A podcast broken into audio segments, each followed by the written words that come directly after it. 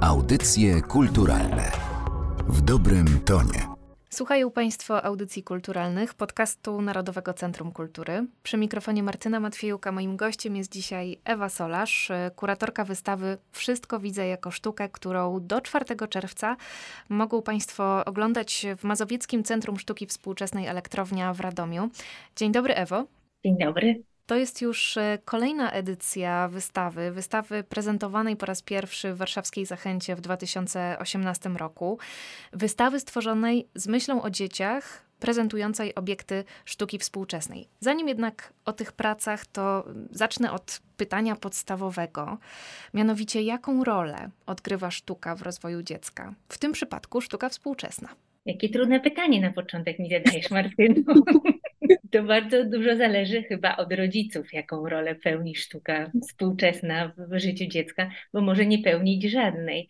Jeżeli dziecko nie ma kontaktu z, po pierwsze z muzeami, ale też z literaturą dziecięcą, przez którą może się spotykać ze sztuką współczesną, z grafiką współczesną, to może nie mieć żadnego wpływu, a może mieć bardzo duży, jeżeli rodzice poświęcają temu uwagę i uważają, że warto dziecko z tą sztuką zaznajamiać. No właśnie, jak e, ta wystawa, o której dziś rozmawiamy, na dzieci wpływa, to jeszcze na pewno powiemy. Myślę sobie, że wielu dorosłych omija w ogóle wystawy sztuki współczesnej, a przynajmniej traktuje je z dużą rezerwą. Jednak to jest sztuka, która może onieśmielać, która nie daje gotowych odpowiedzi, która wymaga przede wszystkim interpretacji. W dzieciach z kolei jest y, dużo takiej mm, naturalnej ciekawości. Powiedziałabym, że też odwagi do wyrażania swoich opinii. Dzieci nie boją się powiedzieć, że coś y, im się nie podoba lub coś je nudzi.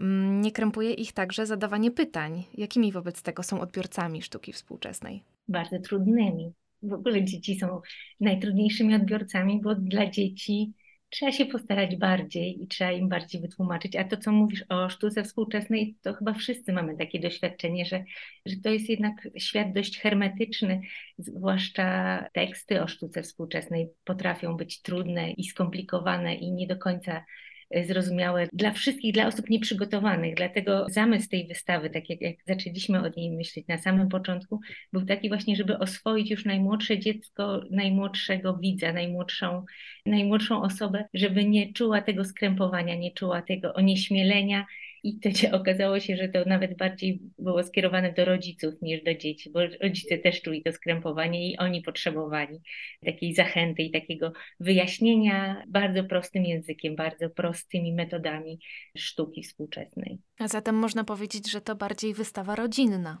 Zdecydowanie to wystawa rodzinna, to wystawa edukacyjna. Dzieci nie powinny przychodzić tam same, nawet nie bardzo mogą. Powinny przychodzić z rodzicami i z dziadkami. No i bardzo dużo przychodzi z szkół, przedszkół i, i, i te grupy są też bardzo aktywne, ale też one są prowadzone przez edukatorów. One się bawią tam same, ale ta edukacja, no ta wiedza, którą dajemy, jest bardzo potrzebna. Na wystawie prezentujecie pracę 17 artystów, y, pracę z kanonu polskiej sztuki współczesnej. Dodajmy jednak, że nie są to obiekty, które pierwotnie zostały stworzone z myślą o dziecięcych odbiorcach, więc tutaj wielka Twoja rola kuratorska. Jak dobierałaś te obiekty? To była wielka przygoda i wielka przyjemność. Zacznę od tego, jak wystawa jest skonstruowana. Przy każdym dziele sztuki współczesnej jest, my na to mówimy, interaktywny plac zabaw albo artystyczny plac zabaw, czyli do każdego obiektu artystycznego jest dodane takie miejsce pracy twórczej dla dziecka, że dziecko nie tylko ogląda, ale też może aktywnie uczestniczyć w, w zrozumieniu twórcy. Myśląc o obiektach, wybierając obiekty, od razu wyobrażałam sobie, co dzieciom sprawi przyjemność, jaka aktywność aktywność, która jest inspirowana tym dziełem, może powstać. No i w ten sposób wybierałam obiekty. Wielka radość. Znaczy tych obiektów jest coraz więcej, bo tak jak mówiłaś, wystawa była pierwotnie w Zachęcie i tam mieliśmy dziewięciu artystów i dziewięć e, dzieł sztuki. Potem pojechała do Stalowej Woli, a potem pojechaliśmy do Białego Stoku, do Arsenału i tam doszło kilku nowych artystów, kilku z tych Zachęty odpadło. A w Radomiu, w elektrowni tych artystów już było 17, już teraz mamy bardzo ich dużo i część e, tych artystów i tych dzieł pochodzi z kolekcji elektrowni w Radomie. Zacznę od e, pracy Andrzeja Dłużniewskiego. To jest praca, którą on obronił swój dyplom na rzeźbie. To są fotografie kosmicznych krajobrazów. On je robił w ten sposób, że przygotował sobie taką piaskownicę, z której w różny sposób układał piasek i fotografował tak na takim dużym zoomie, także powstawały takie marsjańskie krajobrazy. I my powtórzyliśmy ten jego eksperyment z Akademii. Zrobiliśmy też taką piaskownicę, daliśmy tam kinetyczny piasek i dzieci takimi specjalnymi grabkami, on też używał różnych narzędzi, mogą sobie tam różne rzeczy robić i obserwować. Nie widziałam, żeby robiły zdjęcia tym powstałym tworom y, z piasku, ale naprawdę bardzo je to angażuje i tam spędzają długie godziny i to jest praca dla, dla dzieci w każdym wieku, bo co mnie zdziwiło, myślałam, że to będzie dla maluszków ta aktywność, że tam będą najwięcej czasu spędzały bardzo małe dzieci. Okazuje się, że że nawet takie nastoletnie lubią sobie pogrzebać w piasku i poodtwarzać różne konstrukcje. Zaskakujące rzeczy dzieci tworzą z tego piasku. Ale co mnie bardzo cieszy, widzą to podobieństwo, widzą tą zależność pracy od, od pracy Andrzeja Dłużniewskiego. Korzystam sobie tutaj tak na potrzeby własne, żeby sobie wszystko przypomnieć z takiej publikacji, która powstała przy okazji wystawy. Pierwszy raz powstała w Białymstoku. To jest taki zeszyt z zadaniami dzieci zabierają ten zeszyt do domu i pozwala także w domu robić sobie różne aktywności tak jak artysta. I przy Andrzeju Dłużniewski, bo nie wiem, czy wszyscy pamiętają tego artystę, Andrzej Dłużniewski w wyniku wypadku samochodowego stracił wzrok i on potem tworzył już będąc niewidomym i wymyślił taką metodę malarską. Był rzeźbiarzem, a po stracie wzroku został też malarzem i wymyślił taką metodę, że wyobrażał sobie, to były takie jego obrazy, y, takie widzenie od środka, opowiadał o tych obrazach swojej żonie i swojemu synowi i oni to malowali. I właśnie zadanie dla dzieci w domu jest takie, że dziecko może sobie znaleźć, przeczytam to, zrób sobie Dłużniewskiego, Znajdź sobie wspólnika i namalujcie za siebie obrazy. Najpierw ty z zamkniętymi oczami, jak niewidomy artysta, opowiedz, jak ma wyglądać twój obraz, potem się zamieńcie. Także ten zeszyt pozwala nie tylko bawić się na wystawie i, i doczytywać, bo te wszystkie informacje są na wystawie, ale też pozwala w domu przypomnieć sobie o tym i, i robić sobie artystę w domu. Inna praca, której nie było wcześniej, to spektakularna praca Kuby Bąkowskiego. Nie wiem, czy, czy pamiętasz, Kuba Bąkowski miał kiedyś taką akcję artystyczną.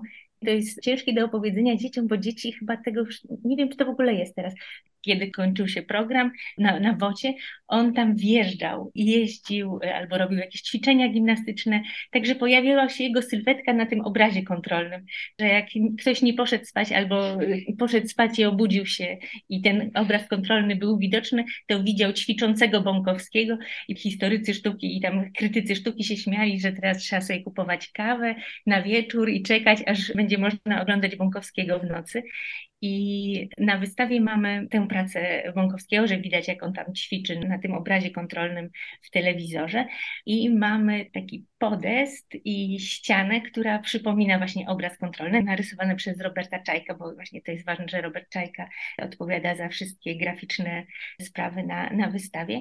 I możesz stanąć i też poćwiczyć na tym obrazie kontrolnym, i dzieci widzą siebie w telewizorze, który wisi naprzeciwko. Jest taka kamerka, która zbiera i widzisz dokładnie ten obraz kontrolny, i widzisz siebie, i możesz tam ćwiczyć, i to też sprawia dzieciom dużą, dużą radość i rodzicom chyba jeszcze większą. Artystką, która była już w Zachęcie i we wszystkich edycjach wystawy jest Monika Drożyńska, ale na tę edycję radomską poprosiłam Monikę o pracę bardziej aktualną, bo myślę, że rozmawiając o sztuce współczesnej, rozmawiając o tym, co się teraz dzieje, warto też z dziećmi rozmawiać o wojnie. A Monika obroniła właśnie tydzień przed otwarciem naszej wystawy w Krakowie swoją pracę dyplomową, która dotyczyła języka, ale właśnie języka, który wyklucza, języka, który rozróżnia migrantów, rozróżnia osoby, które są z zewnątrz Dopiero kiedy one się odezwą i kiedy słyszymy ich akcent albo słyszymy, że mówią w innym języku, dopiero wtedy zdajemy sobie sprawę, że to są osoby z zewnątrz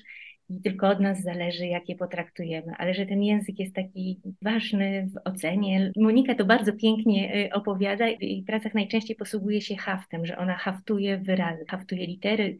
Y, na innych wystawach mieliśmy jej takie makatki, które różne hasła, które Monika wymyśla, pokazywała. Zaczęła od tego, że przedstawiała na tych makatkach jakieś brzydkie wyrazy, które zobaczyła na ulicy. Te makatki były takie przewrotne, bo miały formę takiej babcinej, miłej, miłej serwetki, a treść była albo bardzo przewrotna, albo wręcz taka mocna. Monika też angażuje się w wiele protestów, strajków. Ona jest takim bardzo zaangażowanym artystą i cieszę się, że zgodziła się pokazać tę pracę na naszej wystawie. To jest taka ogromne, ogromne, pięciometrowe, taki namiot stworzony z płótna zahaftowanego w litery, które tworzą opowieści różnych migrantów. I to są migranci właśnie ukraińscy w Polsce, ale też polscy w Wielkiej Brytanii, bo Monika doświadczyła migracji. Ona z rodzicami przeniosła się do Wielkiej Brytanii i tam była też rozpoznawana przez akcent, jest dla niej to, to słowo i ten, ten problem jest bardzo ważny. O kim jeszcze opowiedzieć? Może spektakularna rzeźba duetu artystycznego Kijewski Kocur. Kijewski to jest Marek Kijewski, a Kocur to jest y, Małgorzata Malinowska oni stworzyli taki duet, który robił takie rzeźby, ale takie rzeźby łączące różne techniki, różne style, różne, różne inspiracje. Oni nazwali swoją metodę SSS. To było surfowanie, skanowanie, samplowanie. Także różne motywy z różnych kultur oni łączyli w swoje rzeźby.